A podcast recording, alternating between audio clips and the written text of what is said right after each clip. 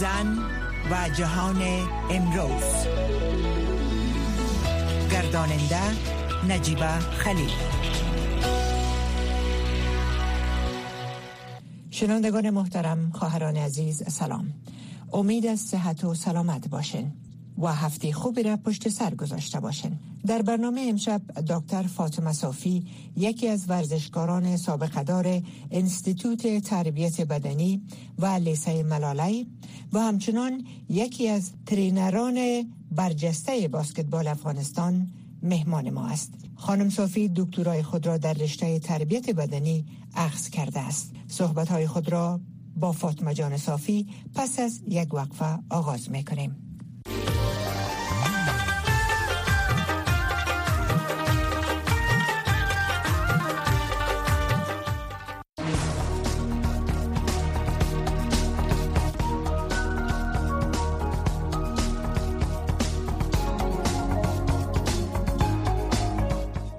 صحبت با مهمان برنامه.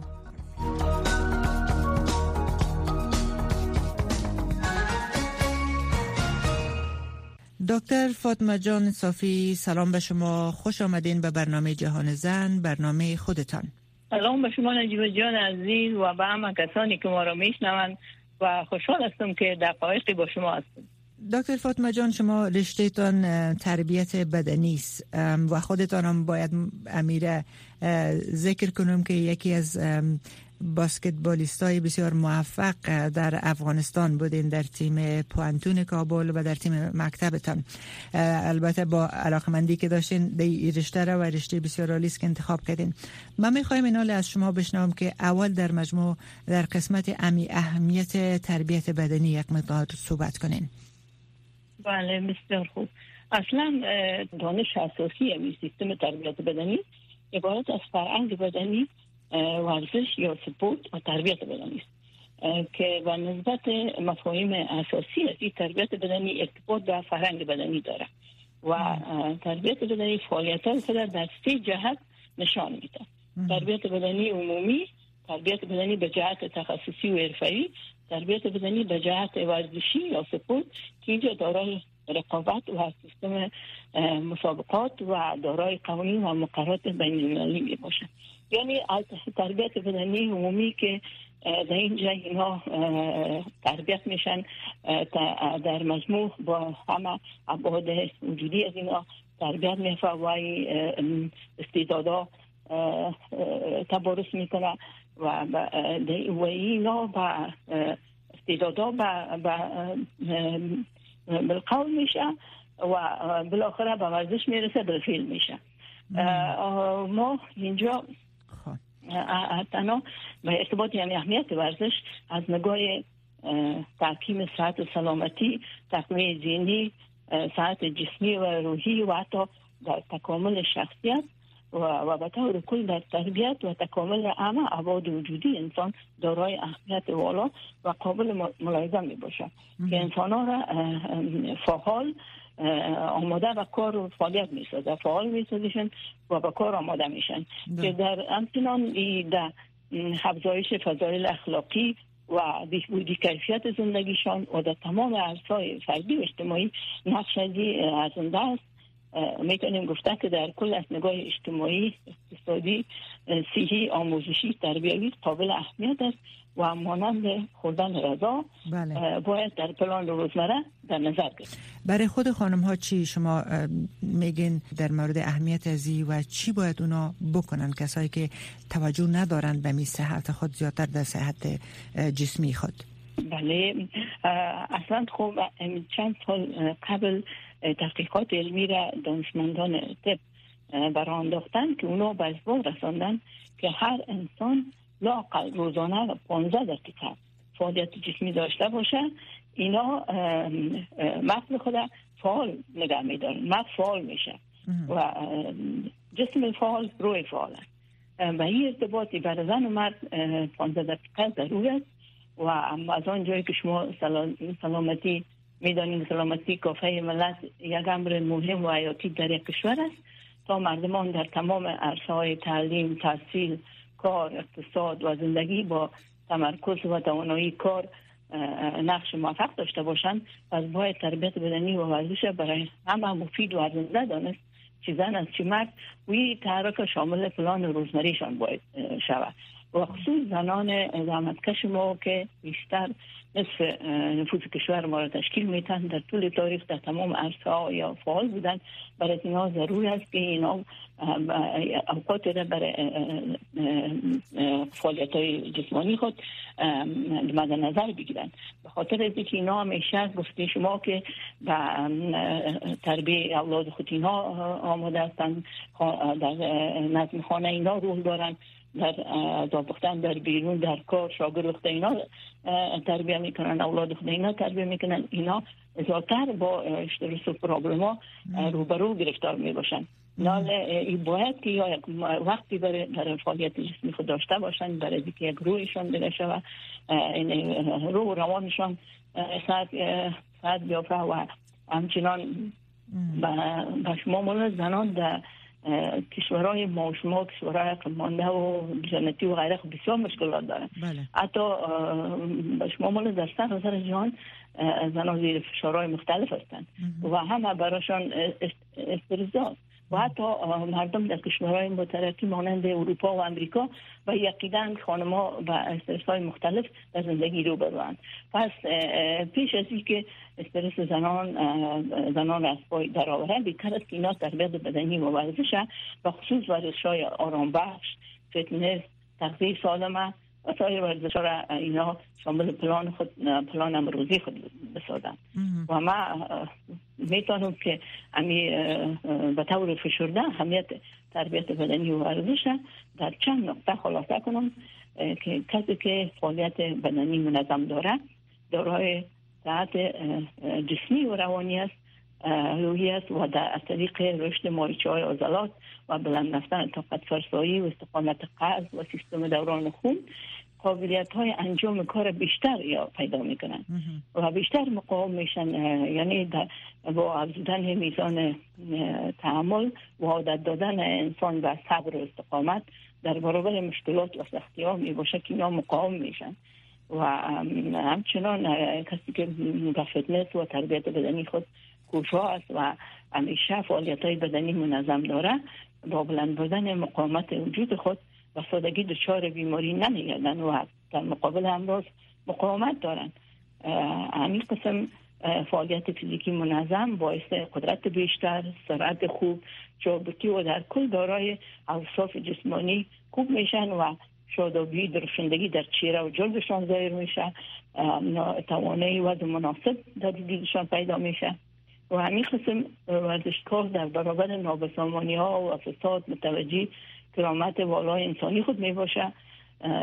تربیت بدنی ورزش در پرورش استقلال شخصیت مت بلند ایثار فداکاری نقش بسیار خوب ایفا می‌کنه ورزش ورزش هایی که در گروپی و دستجمیس یا تیمیس اینها احساس اجتماعی را با رویه مناسبش برای یک تجربه می‌کنن امیقتون فعالیت های بدنی منظم از کشیدن سگرت و استعمال مواد مخدر می‌تونن که به خوبی به در بیان خودداری کنن و ورزشکار در مبارزه با آوا و خواهشات نفسانی خود از ورزیدن ترس و استراب موفق به در میآیند.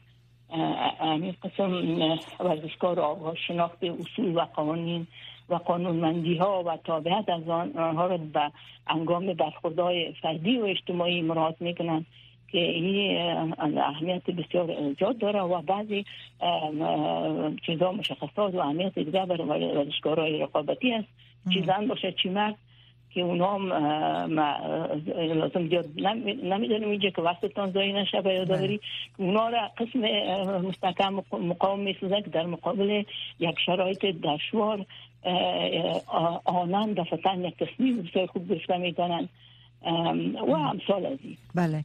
ای دکتر محترم ما یک خب البته بسیار چیزایی که شما اشاره کردین بسیار نکات مهم بود. یک مسئله عزیز که اکثرا واقعا آدم در بدترین شرایط فکری اگه می باشه یا تشویش بسیار زیاد می داشته باشه. تجربه شده ای ما حتی خودم تجربه کردیم که مثلا بیرون برآمدیم حتی تنها قدم زدن دعوای آزاد. کاملا تغییر می‌داد اما. اونمو تشویشی که می داشته باشه آدم از پیش آدم بله. دور میشه و می آدم خود یک احساس کاملا دیگه می داشته باشه. بله صحبت ما سر از فعالیت های خانم هاسته اینا خب همونطوری که اکثریتشون میرن کار می‌کنن بعد از او خانه میان بعد از مسئولیت خانه است و بعد و دیگ و کاسه شروع می‌کنن و بعد اطفال خود برسن با پاککاری اینا فرصت نمیافن و این آیا اینمی که روزانه اینا قدر میتپن به پای خود استاد هستن. هم کار بیرون می‌کنن هم کار خانه را می‌کنن. شما فکر می‌کنین که این میتپ و تلاش از اینا کفایت می‌کنه می‌تونه من حیث حرکت های جسمی حساب شوه می‌فهمین. یعنی هر حرکت خالی از نیست. اما اینا می‌تونن که در این کارهای روزمری خانه اینا بعضا با استرس روبرو میشن. یعنی به راحتی کارا رو انجام نمیتن طرف فکر نمی‌کنن. همیشه با یک ناراحتی هم کار انجام. از خاطر اگه اینا در کار هم هستن فقط کار جسمی آدم آقی هستن می‌دونی اثر کار خود بریزن با اتاق استا چه کلکین خود آواز کنن برای پنج دقیقه امی دست پای خود شور بتن. تنفس عمیق بگیرن. به اصطلاح شخی گردن دستا که اگر تایید می‌کنن کار می‌کنن بزوا شانه گردن امرا. یا می‌تونن توسط تمرینات بسیار ساده و سبک نرمشی و کششی برطرف کنن و به خصوص تنفس. اینا وقتی که در میز قسمی که ما شما میشینیم ما شما بسیاری ما, ما تنفس نیمه می‌کنیم. هوا را نیمه خارج می‌کنیم. یک مقدار هوای که کاربون داکساید از گاز میمانه در, شش سر سر میشه. و اون نقص می‌کنه. اینا باید استاد لاقل روزانه تنفس عمیق کنن. خوب هوا رو بگیرن و دو برابر هوا رو خارج کنن که شکمشان به کمرشان کش شود چسبیده شود. تمام هوا رو خارج کنن این چندین دور تکرار کنن. باز بشینن سر کار خود.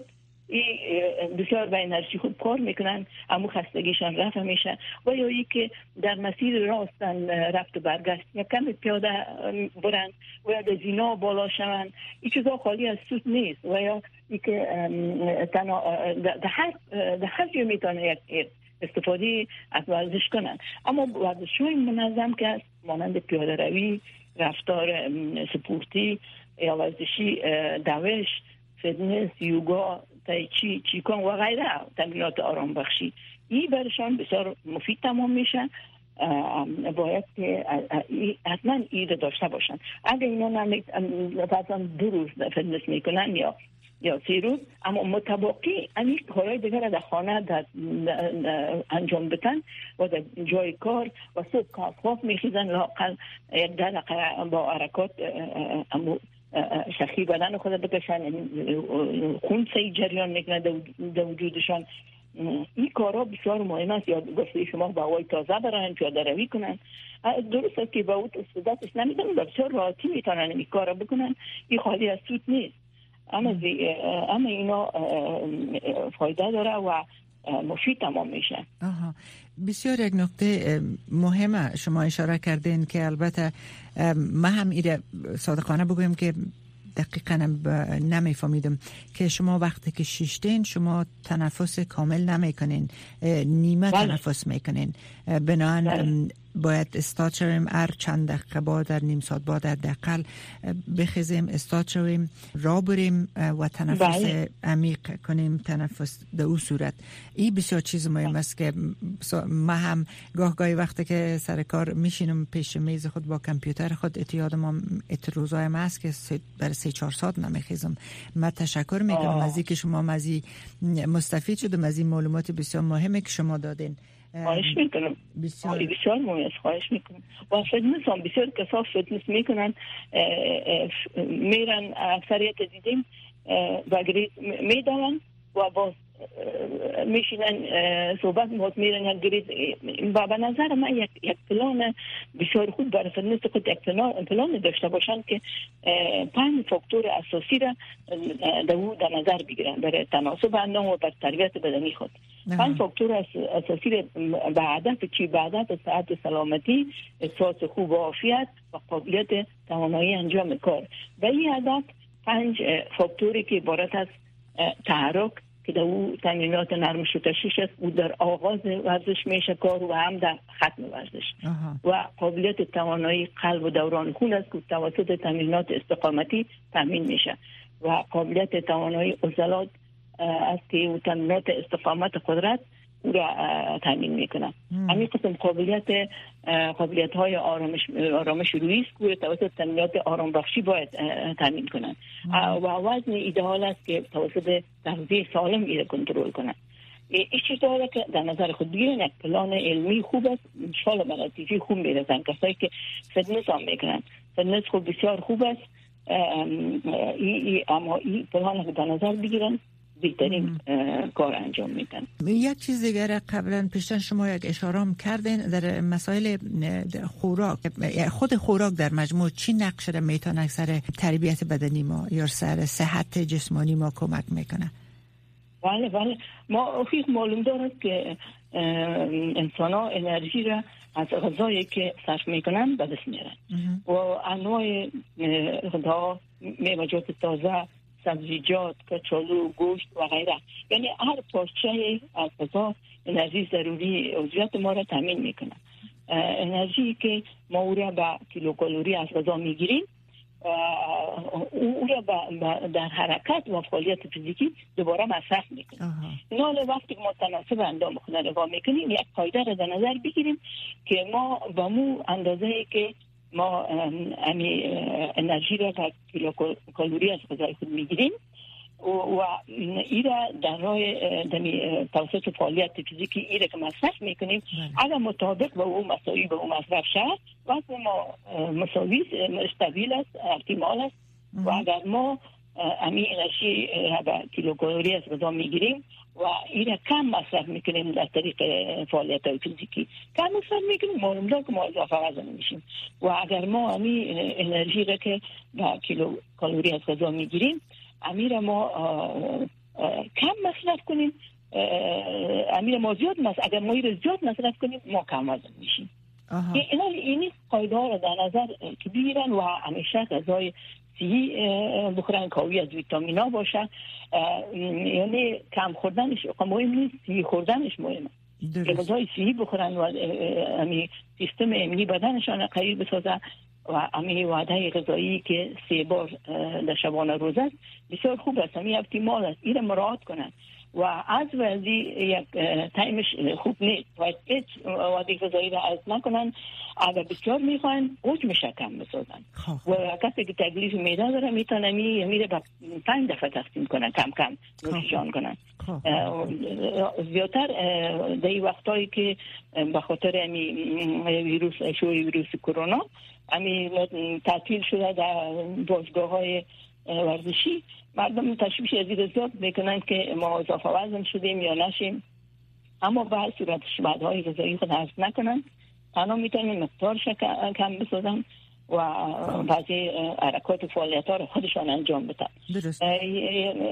تحقیقاتی که دانشمندای مواد غذایی و تغذیه سالم انجام دادن اونا تغذیه درست برای روده هم موثر درست. و گفتن که غذاهای غنی از فیبر مانند برنج کچالو سبزیجات میوجات محصولات غلجات سبوزدار هم بر روده خوب است. هم می‌تونه از سرطان روده محافظت کنه.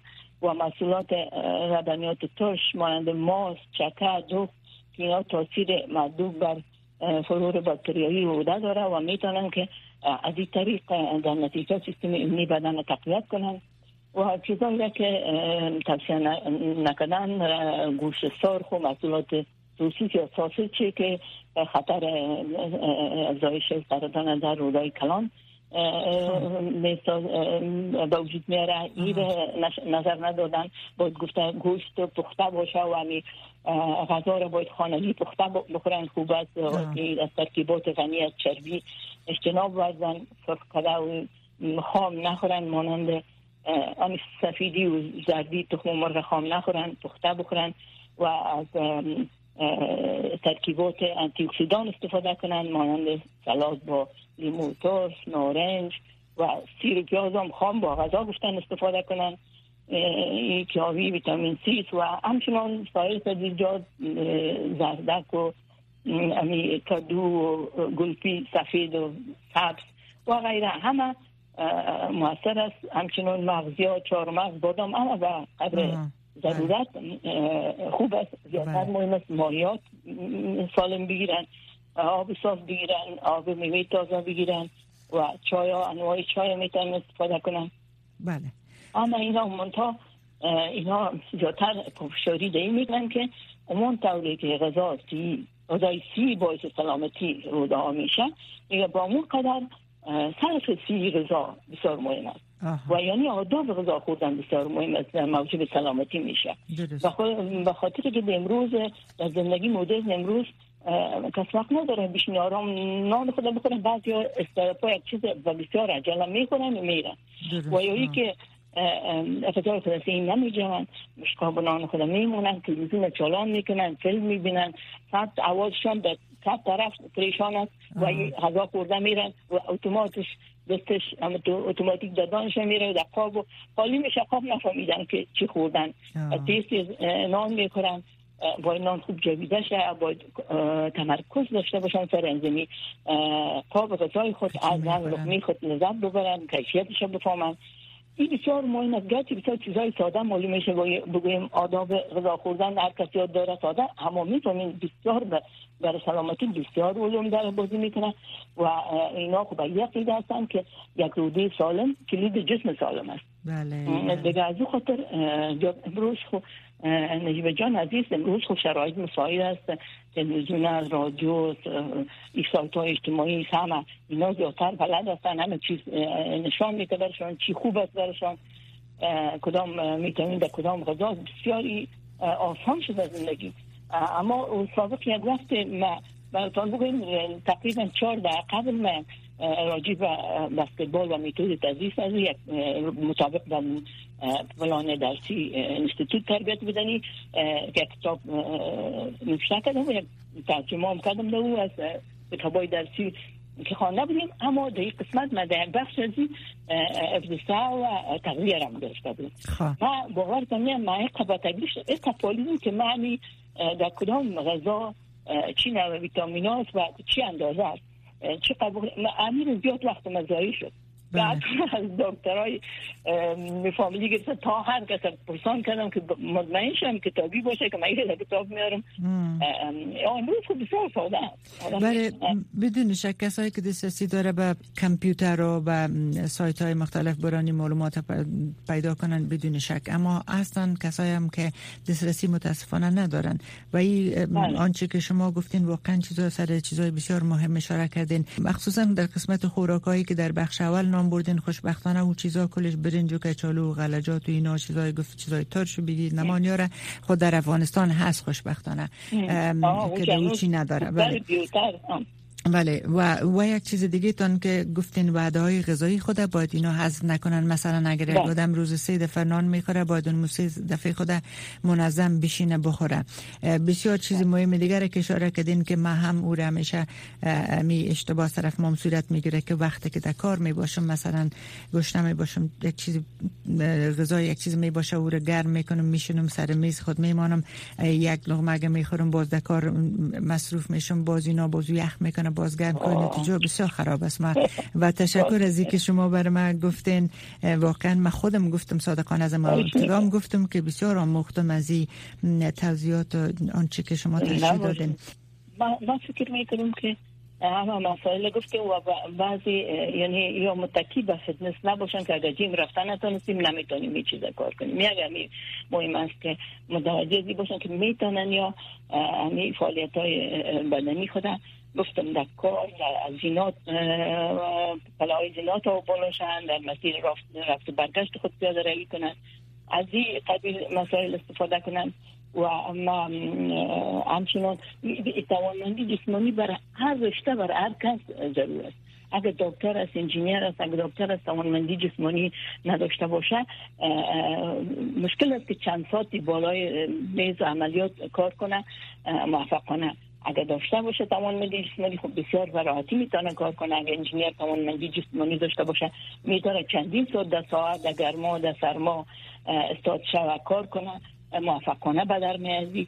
یعنی در هر رشته برای ما یک یک انترویو رو شنیدم یک زمان یک خانمی که یک اوتل کار می‌کرد.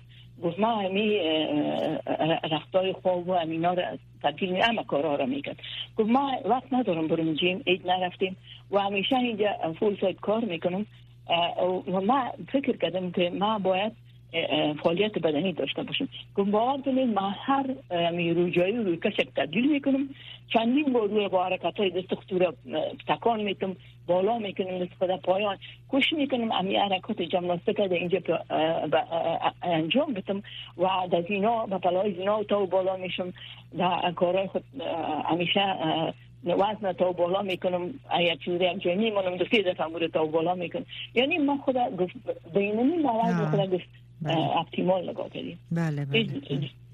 جیم هم نرفتیم. اما غذا غلطی می‌خورم.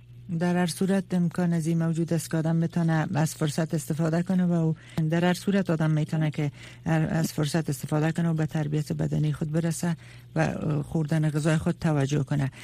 دکتر سیف فاطمه جان صافی جهان سپاس از اینکه وقتتان در اختیار برنامه ما گذاشتین.